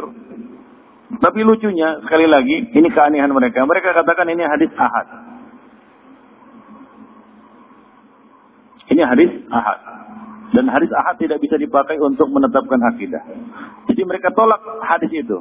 Di samping itu kata mereka hadis ini dhanniyu adalah. Karena boleh jadi maksudnya adalah yang turun bukan Allah. Tapi apa? Rahmatnya. Yang turun malaikatnya. Bukan Allah subhanahu wa ta'ala. Nah demikian mereka menolak nas-nas. Baik itu Al-Quran dan hadis. Ya kata dengan demikian mereka katakan bahwa nas-nas Quran dan Sunnah la yasluh fi ifadatil i'tiqadil qat'iyah. Tidak bisa digunakan untuk menetapkan perkara-perkara akidah yang qat'i. Nah ini keyakinan mereka. Maka saya sebutkan tadi bahwa ketika Mu'tazi'ah Afwan As'ariyah menetapkan tujuh sifat. Sifat apa saja tujuh sifat itu? Yaitu mereka katakan al-hayat. Sifat hayat, hidup. Artinya apa? Allah itu harus hidup. Kemudian al-irada, Allah itu harus punya kehendak. Kemudian mereka katakan al-ilm. Sifat yang ketiga dari tujuh sifat itu al-ilm. Allah harus punya ilmu, harus tahu, nggak boleh jahil. Kemudian mereka katakan eh, sifat yang keempat as-sama. Allah itu harus mendengar, tidak boleh tuli. Al-basar, Allah itu harus melihat, tidak boleh buta. Kemudian mereka katakan uh, yang kemudian yang ke berapa? Yang keenam al-wahdaniyah. Allah itu harus esa, tidak boleh ber Berbilang kemudian al-kalam, Allah itu harus berbicara, tidak boleh bisu. Jadi mereka tetapkan ini berdasarkan akal, bukan berdasarkan nas. Nas itu hanya menguatkan saja. Ya, bukan uh, kita katakan uh, dalil utama. Bukan dalil utama, ya, bukan dalil pokok, tapi dalil penguat. Dalil pokoknya apa? Akal. Mereka katakan Allah harus punya sifat-sifat itu. Seolah-olah mereka meng mengatur Allah Subhanahu wa taala. Ini harus bagi Allah, ini tidak boleh bagi Allah. Nah, ini kan namanya mengatur. Ya, Allah yang punya banyak sifat disempitkannya menjadi kecil. Badan Allahu Akbar, Allah Maha besar dengan segala sifatnya. Mereka kecilkan, dikecilkan oleh orang-orang Asy'ariyah ini hanya menjadi tujuh tujuh sifat saja. Coba lihat, sifat Allah yang tidak terhingga itu mereka kebiri, lalu mereka jadikan cuma tujuh sifat saja. Ya, dengan akal mereka. Bagaimana coba mereka mengebiri ya Rob mereka. Oleh karena itu mereka jatuh kepada kebingungan-kebingungan seperti hujah yang ya, disampaikan oleh Mu'tazilah kepada mereka. Baik bukan fiddin. Azanillahu wa iyyakum jami'an. Dan dari uh, keyakinan-keyakinan seperti ini jatuhlah sebahagian ya kita katakan sebahagian Asy'ariyah kepada at-tafwid.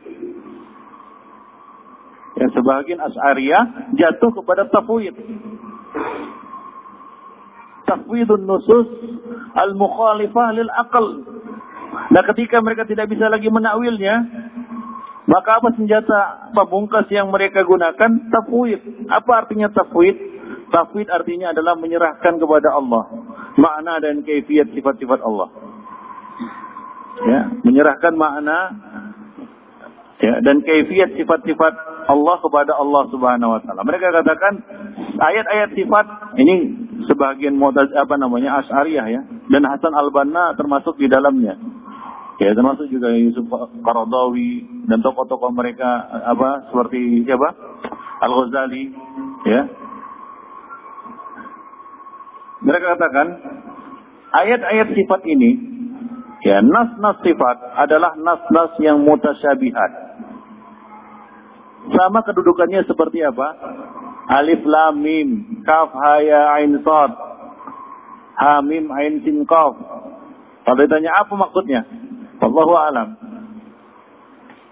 Allah mengatakannya tapi kita tidak paham maksudnya, tidak tahu artinya. Maksudnya nggak tahu, apalagi kaifiatnya. Nah, seperti itulah dia ayat-ayat sifat. Nah, ketika Allah mengatakan Ar-Rahmanu 'ala arsyistawa, itu seperti alif lam mim. Seperti alif lam mim. Yang tidak diketahui maknanya. Allahu a'lam bima'nahu wa kaifiyatahu. Ya, wa kaifiyatihi. Allah Subhanahu wa taala lebih tahu tentang maknanya dan kaifiatnya. Nah ini keyakinan sebahagian Ash'ariyah. Kemudian mereka dikenal dengan sebutan Al-Mufawwidin. Orang-orang yang mentafwid sifat-sifat Allah subhanahu wa ta'ala. Nah, kalangan mutaakhirin dari Ash'ariyah banyak yang jatuh kepada akidah ini. Seperti yang saya sebutkan tadi, Hasan al-Banna, ya, kemudian orang-orang yang mengikuti manhajnya, rata-rata jatuh kepada keyakinan ini di dalam bab asma wa, wa sifat. Mereka tidak katakan saya mau Ash'ariyah tidak tapi saya mufawwidah. Saya lebih pintar daripada Asy'ariyah. Saya katakan ayat-ayat sifat ini apa? Mutasyabihat. Sehingga mereka enggak pening seperti peningnya Asy'ariyah. Yang harus memberikan jawaban-jawaban kepada apa? Orang-orang yang menghujah mereka ketika mereka menetapkan tujuh sifat saja. Maka dengan santainya orang-orang mufawwidah ini mengatakan kalau kami gampang saja datang ayat sifat kita katakan Allahu alam. Nanti datang lagi sifat Allahu alam maknanya dan kaifiatnya. Nah demikian Ibn Fiddin. Ya, sementara di kalangan ahlu sunnah yang ditafsir itu bukan maknanya tapi apa? Kaifiatnya. Kaifiatnya yang Allahu alam. Tapi maknanya kita maklum. Seperti jawaban Imam Malik kepada orang yang bertanya, Ar-Rahmanu alal arsistawa. Allah bersemayam di atas aras. Bagaimana bersemayamnya? Maka apa kata Imam Malik? Al-istiwa bersama yam itu maklum maknanya. Wal kaif, kaifiatnya majhul, tidak diketahui. Wallahu alam kaifiatnya. Al-imanu bihi wajib. Menanyakannya, eh, mengimaninya adalah wajib. Wasu'alu anha bid'ah. Dan menanyakan kaifiatnya adalah bid'ah. Jadi antum janganlah terpancing untuk menanyakan, untuk mempertanyakan kaifiat sifat-sifat Allah. Zat Allah ya dan perbuatan Allah Subhanahu wa taala. Ya seperti takdir masalah takdir. Jangan tanya ke walima mengapa? Karena itu adalah bid'ah. Karena antum tidak akan sampai kepada jawabannya. Dan menanyakan sesuatu yang tidak akan bisa dijawab adalah apa namanya sia-sia. Percuma. Ya nggak ada faedah. Termasuk hal yang lago tidak ada tidak ada faedahnya maka tidak boleh antum menanyakan tentang keifiat sifat Allah Subhanahu wa taala. Nah, inilah satu fenomena yang muncul di kalangan Asy'ariyah. Ya, di kalangan Asy'ariyah muncullah kaum mufawwidah ini. Yang hakikatnya mereka merupakan orang yang paling bodoh dari kalangan al-Asy'ariyah. Dan paling berbahaya sebenarnya. Ya, paling kita katakan paling konyol pemikirannya. Jadi intinya Ya, Allah Subhanahu wa taala menurunkan kitab ini sebagai hidayah tapi tidak bisa menunjuki. Kenapa? Karena mayoritas isi Al-Qur'an adalah ayat mutasyabihat. Ketika Allah mengatakan Al-Ghafur Rahim, apa maksudnya Al-Ghafur Rahim? Allahu a'lam maknanya. Allahu a'lam maksudnya. Apakah itu menjadi sifat Allah? Allahu a'lam. Tapi Allah mengatakan Ghafur Rahim tanpa makna. Nah, ketika Allah berfirman menjelaskan tentang sifatnya, Ya, ya misal bal yadahu mabsudatan, bahkan kedua tangan Allah terbentang. Ya, memberikan apa namanya? karunia-Nya yang apa namanya? menurut kehendaknya. Ya, apa kata orang-orang mufawwidah? Allahu alam. Allah nggak kita nggak tahu apa maknanya. Diserahkan kepada Allah Subhanahu wa taala. Jadi mayoritas ayat-ayat Quran itu tidak diketahui maknanya dan ini batil. Artinya apa? generasi terbaik umat ini, Rasul dan generasi terbaik umat ini telah berbicara dengan sesuatu yang tidak mereka ketahui maknanya. Dan ini adalah konsekuensi yang yang batil di konfidin. Nah itu muncul di kalangan Ash'ariyah ini. Ya kelompok yang bernama uh, atau orang-orang yang ahlu tafwid. Ya ahlu at-tafwid. Nah demikian ikhwan fillah. A'azzani Allah iyakum jami'an ya, ya beberapa penyimpangan-penyimpangan yang terjadi di kalangan uh, al-Ashariyah. Nah, kemudian ikhwan fillah at-tasawuf ya, satu kelompok juga di dalam Islam ya, kelompok bid'ah maksudnya yang ya kita katakan nampak ya sifat-sifat hulu dan takdir mereka, jafa mereka yaitu tasawuf. Nah mengenai tasawuf ini akan kita lanjutkan pembicaraan pada pada apa namanya pertemuan yang akan datang. Karena agak panjang ini. Tasawuf ini uh, nampak sekali apa namanya kita katakan uh, fenomena hulu ya dan jafa pada mereka dan jauhnya mereka dari sifat adil ya sifat tengah di dalam beragama. Baik. Dan ini yang paling populer dan paling banyak populasinya ya di kalangan kaum muslimin. Ya kalau di apa di, di apa namanya di eh, sensus kita katakan ya. Yang paling banyak dari kalangan kaum muslimin jatuh kepada apa? Sufi ini. Dengan segala pernak-perniknya lah ya. Ibadahnya, keyakinannya. Karena tasawuf ini adalah ibadah dan akidah. Bahkan sekarang ini sudah merambah kepada muamalah, muamalah sufiyah. muamalah sufiyah. Tapi nanti akan kita jelaskan ya bagaimana sufi ini merambah kaum muslimin dan bagaimana dia bisa masuk ya ke tengah-tengah kaum muslimin bahkan bisa masuk kepada buku-buku fikih melalui madhab-madhab.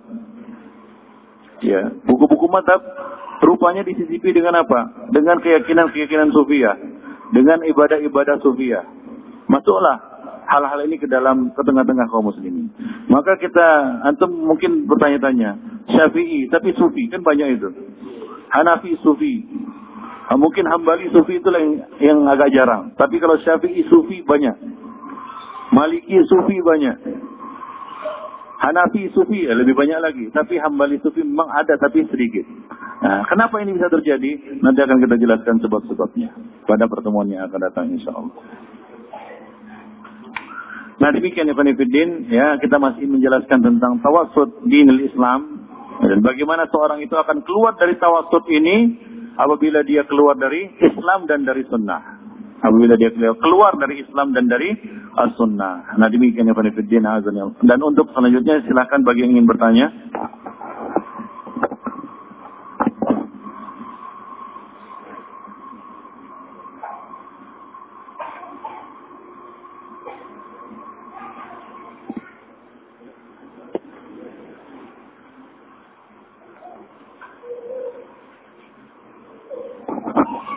Ya, bagi yang ingin bertanya silahkan. Kita ada waktu kira-kira 15 menit untuk uh, apa namanya saya jawab.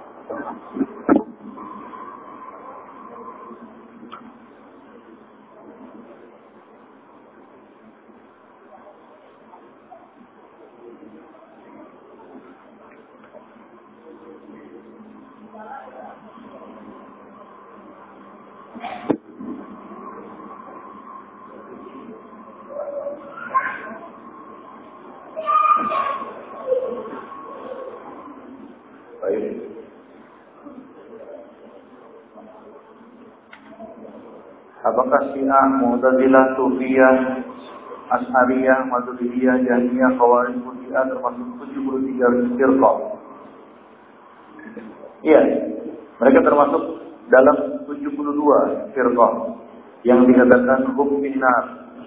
Kullu hafiz finnar illa wahidah. Jadi masuk ke dalam 72 golongan yang diponis Nabi sesat dan finnar.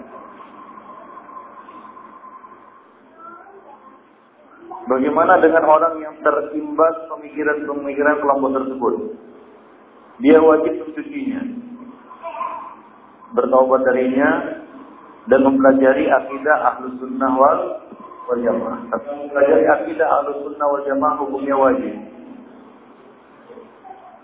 Apalagi di, di zaman sekarang ini, ya, di mana kita kita ketahui ahli bid'ah mayoritas daripada ahlu ahlu sunnah. Maka siapa saja yang mengetahui telah sampai kepadanya ilmu tentang kesesatan kelompok-kelompok ini, maka dia wajib untuk mempelajari akidah ahlu sunnah wal jamaah. Mencarinya, mempelajarinya. Ya.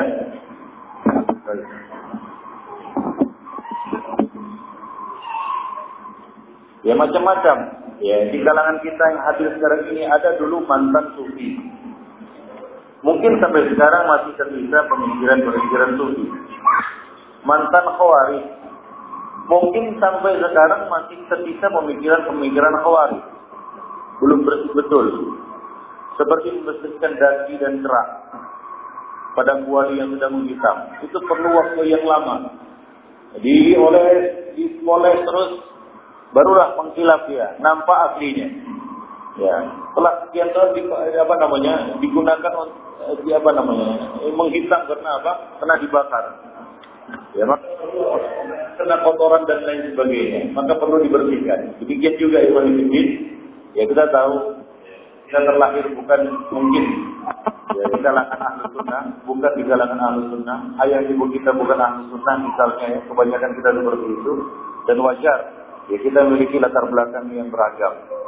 Ada yang seperti yang saya sebutkan tadi mantan sufi, ada yang dulu bekas khawari, ada yang dulu aklani, kan begitu ya. Nah, apalagi sekolahnya ya di IAIN kan begitu ya. Udahlah aklani lah di sana. Nah, banyak yang beragam latar belakang. Eh, beragam kita katakan latar belakang kita. Maka kita berkewajiban untuk membersihkan itu semua.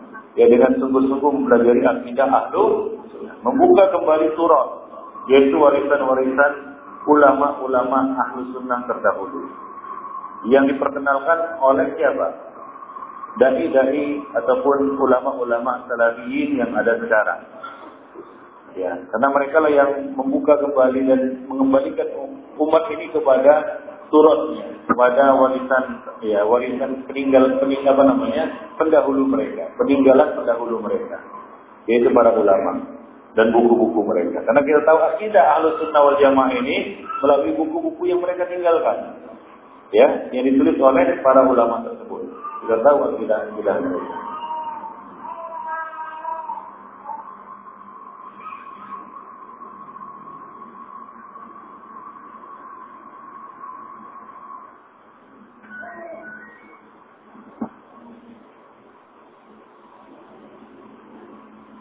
Dari manakah asal atau dalil sehingga kita lihat seorang Nabi Rasul disebutkan di belakang namanya alaihi salam.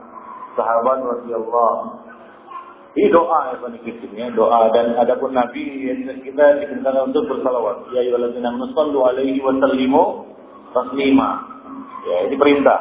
Maka kita ketika mengucapkan nama Nabi, ya, maka kita mengucapkan apa? Salawat dan salam kepada itu adalah perintah ayat. Adapun ya kita katakan sahabat dan orang-orang soleh ya, para ulama kita ucapkan radhiyallahu nah kemudian uh, apa namanya para ulama kita doakan yang masih hidup. Habibullah yang sudah wafat rahimahullah ini doa. Adapun sahabat ya tentunya Allah telah meridhai mereka. Ya. Kata radhiyallahu anil mu'minin. Allah meridhai mereka. Dan mereka berhak mendapatkan doa keridhaan itu. Maka kita ucapkan ya radhiyallahu sebagai bentuk dan uh, bukti penghormatan dan pengagungan kita kepada mereka. Ya, bukti penghormatan dan pengagungan kita kepada kepada mereka. Yaitu taraddu an sahabat. Mengucapkan radhiyallahu anhu terhadap para sahabat. Nah demikian yang berikitin. Azani Allah wa iyyakum jami'an. Allah a'lam. Nah ini sebenarnya sudah kita bahas di dalam buku uh, Usul As-Sunnah.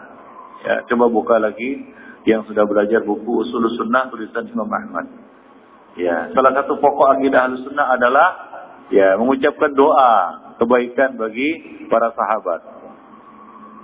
Untuk memisahkan mereka dengan ahli bid'ah. Yang mengucapkan laknat terhadap sahabat. Siapa mereka? Syiah dan Khawarij. Yang mencaci maki dan mencela sahabat. Ya, bahkan mengkafirkan mereka ya menumpahkan darah mereka. Maka untuk menyelisih ahlu ahlul bid'ah, maka kita mengucapkan doa untuk para sahabat radhiyallahu anhu. Nah, untuk memisahkan diri dengan ataupun membedakan kita dengan apa? Dengan ahli bid'ah. Baik. Hingga di lembab apa namanya? Ada mutasyabuh ya, membedakan diri dan tidak bertasyabuh Bukan hanya dengan orang kafir, bahkan dengan ahli bidah. Ya, maka sebagian sahabat, ya, di antaranya Ibnu Umar tidak mau menggundul kepalanya, ya kecuali haji dan umroh. Ya, kenapa? Karena menggundul kepala Itu sima si, min si min khawarij. Eh, Nabi mengatakan sima humut tahlif. Ya. Ciri-ciri mereka adalah tahlif, yaitu menggundur apa namanya kepala mereka, pelontos.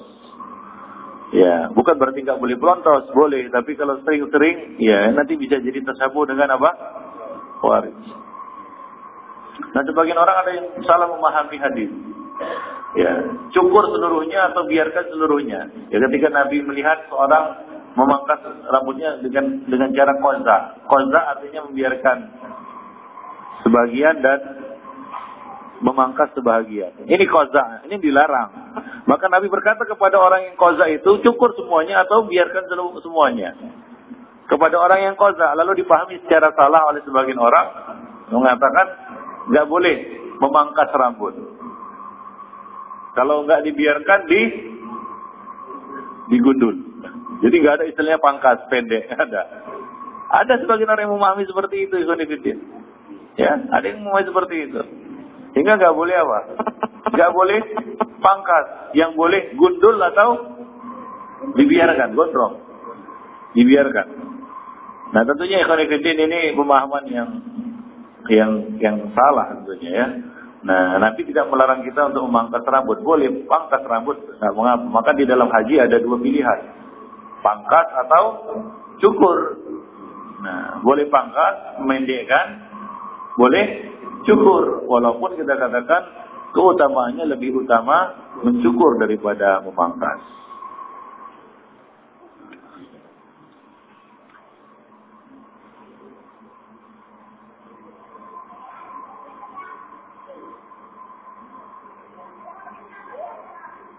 Apa hukumnya bergaul dengan orang-orang yang bermanhaj tablik? Nah bergaul dengan ahli bid'ah secara umum ini akan kita jelaskan nanti pada pertemuan yang akan datang di dalam buku ini ya. Nah ini butuh uh, kaedah-kaedah, butuh perincian-perincian yang tidak mungkin dijelaskan pada kesempatan ini. Nanti akan datang ya penjelasan tentang masalah ini.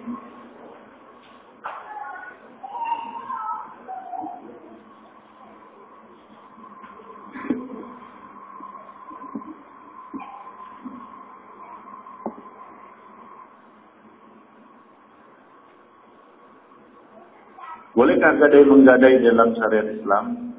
Boleh ada bab rahat. Di dalam kitab buyuk juga ada bab rahat. Ya, gadai menggadai. Tentu ada syarat-syaratnya.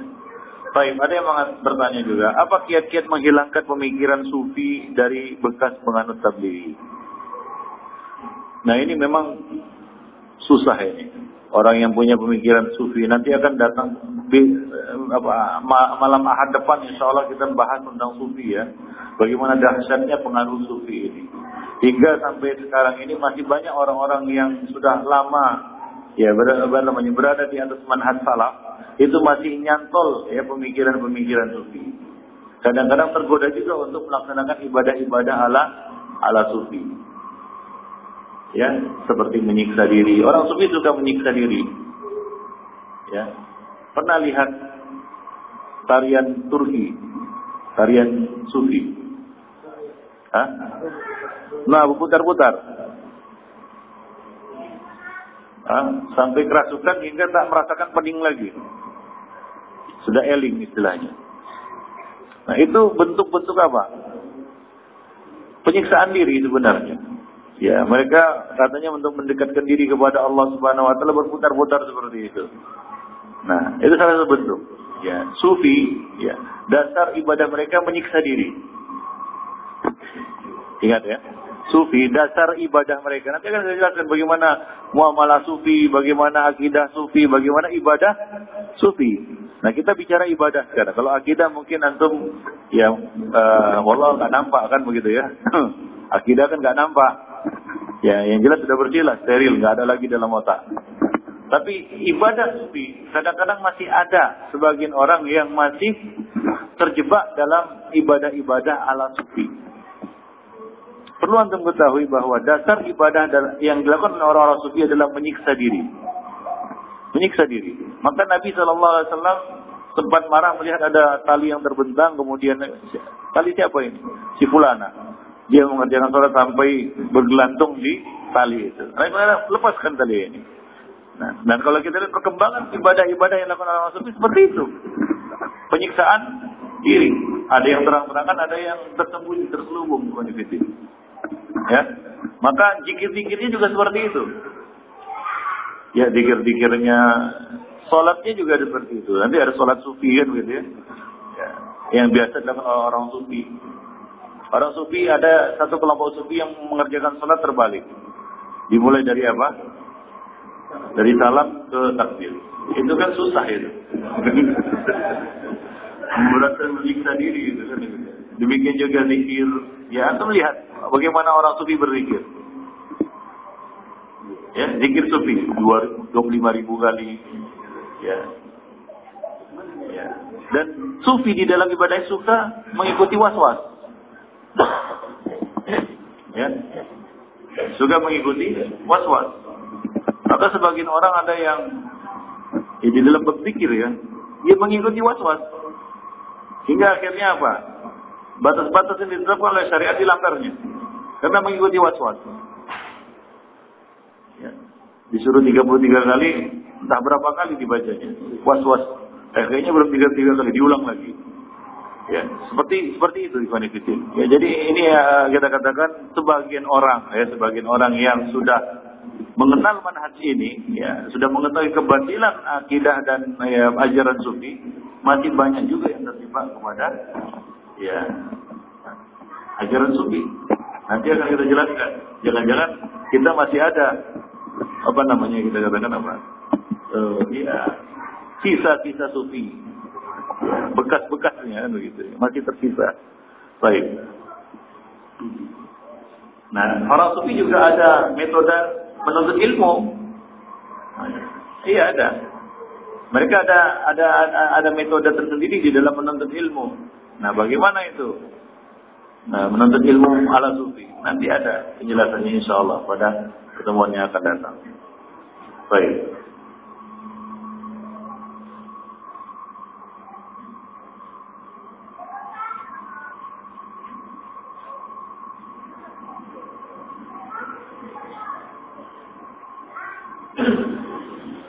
Nah bagi orang yang mantan tablik, ya tidak heran kalau banyak sekali pemikiran sufi yang nyantol ke benahnya. Kenapa?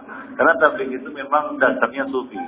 Ya, Syalbani mengatakan mereka itu sufi ya apa namanya gaya baru lah sufi modern. Sufi yang terselubung dengan dengan pakaian yang lebih apa namanya, lebih elegan gitu. Tapi sufi, ya seperti berkelana sana kemari nggak nggak jelas tujuannya. Ya, walaupun sekarang dibuat alasan kurus untuk tablik dakwah. Sementara dia sendiri baru tobat, sudah disuruh dakwah. Cuma lihat bagaimana. Ini kadang-kadang kontradiksi. Kita juga nggak ngerti. Dia nggak ngerti apa-apa. Tidak mengerti din. Ya, bahkan baru tobat di majelis itu. Nah, begitu dia tobat langsung diminta kurus. Kurus dia 40 hari.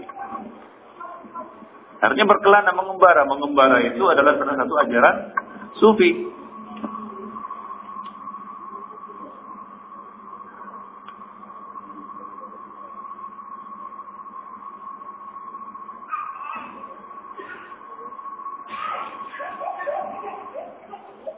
Bagaimana kita menanggapi orang-orang tarbiyah? Ikhwanul muslimin maksudnya. Yang mengikuti Hasan al-Banna sedang mereka tak tidak mengetahui akidah Hasan al-Banna. Mereka Ikhwanifiddin siapa saja? Ya. Yang tidak mengetahui akidah Hasan al-Banna lalu mengikutinya. Apakah ada uzur? Ya kalau kita lihat tempat ya karena antum misalnya gini ya saya katakan orang Saudi jatuh dalam syirik kira-kira ada uzur nggak orang di Saudi Arabia begitu ya dia tinggalnya di Saudi Arabia jatuh dalam syirik kayaknya apa namanya susah untuk dikatakan dia itu nggak tahu Ya, susah dikatakan dua. Dia nggak tahu, nggak tahu syirik. Wah, tinggalnya di Saudi. Ya, kayaknya suatu hal yang susah untuk diterima udurnya. Nah, demikian juga sekarang Ivan Ifidin. Ya, di, di, di zaman sekarang ini, di mana ya, kita katakan sarana dan media dakwah sudah begitu luas. Ya, dan peperangan dakwah juga sudah terbuka dan masing-masing sudah tahu kartunya Ya, tidak ada alasan wah saya jatuh sini nggak tahu saya tidak Hasan Albana. Banyak buku-buku yang sudah datang ke toko buku yang sudah berderet juga. Pro dan kontra kan begitu. Dia bisa pelajari. Ada sarana untuk mengetahui dan mengilmui. Itu masalahnya. Lalu perkataan tidak mengetahui akidah Hasan Albana ini kadang-kadang susah untuk diterima. Tidak mau tahu, ya menutup telinga atau memang tidak tahu. Kalau tidak tahu maka dikasih tahu banyak buku-buku yang menjelaskan tentang akidah Hasan Albana pro maupun kontra biar dia timbang sendiri untuk ya, kalau dia ingin mencari hidayah kan begitu ya. Sudah, tadi sudah kita sebutkan kita singgung bahwa akidah Hasan Albana di dalam bab asma sifat adalah tafwid. Silakan cek sendiri. Banyak rujukan-rujukan yang bisa di, dibaca di dalam bab ini. Ya, di dalam masalah ini. Jadi tidak susah apa namanya susah untuk dikatakan Ya, mereka tidak mengetahui akidah Hasan al-Banna. Sementara mereka baca buku Hasan al-Banna. Ya. Mereka baca buku Hasan al-Banna. Mereka baca karya-karya dan tulisan-tulisannya. Nah, ini disebabkan karena mereka tidak mau belajar atau menutup telinga. Ya, kebanyakan dari mereka itu menutup telinga. Dan untuk orang-orang seperti ini, hanya ada dua. Orang yang ya kita katakan memang betul-betul tidak tahu dan ingin mencari kebenaran, mudah-mudahan mereka ditunjuki oleh Allah Subhanahu wa taala kepada yang hak. Yang kedua adalah orang-orang yang ya kita katakan sebenarnya ya pura-pura dalam perahu, pura-pura tidak tidak tahu. Anjing menggonggong kafilah ber, berlalu. Nah orang seperti ini tinggalkan saja Ikhwan Ya mudah-mudahan uh, Rob mereka memberikan hidayah kepada mereka. Nah, tapi bagi kelompok yang pertama, yaitu orang-orang yang benar-benar tidak tahu, maka kewajiban kita untuk memberitahu kepada mereka. Ya bahwa mereka berada di tempat yang salah. Ya mereka berada di kubangan yang salah. Eh di tempat yang salah. Di kubangan yang kotor. Yang mereka harus keluar darinya.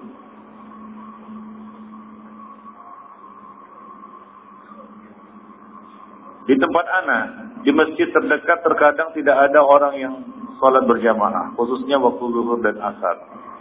Apakah hal ini bisa menjadi udur bagi anak untuk tidak uh, untuk sholat munfarid di rumah? Ya tidak. Antum datang ke masjid, ya kalau nggak ada ya sholat sendiri di masjid. Ya mungkin nanti ada orang yang datang ya. Antum azan, antum iqamat. Eh kalau memang nggak ada yang datang juga ya antum sholat sendiri di situ. Itu ya ma'dur kan begitu ya. Nah mudah-mudahan ada yang datang untuk sholat bersama antum, sholat berjamaah. Nah demikian. Baik. Nah, ya kira-kira sampai di sini dulu pertemuan kita. Ya, insya Allah pada eh, apa namanya majelis yang eh, akan datang kita akan lanjutkan. Demikian saja. Subhanakallah bihamdik. Asyhadu an la ilaha illa anta astaghfiruka wa.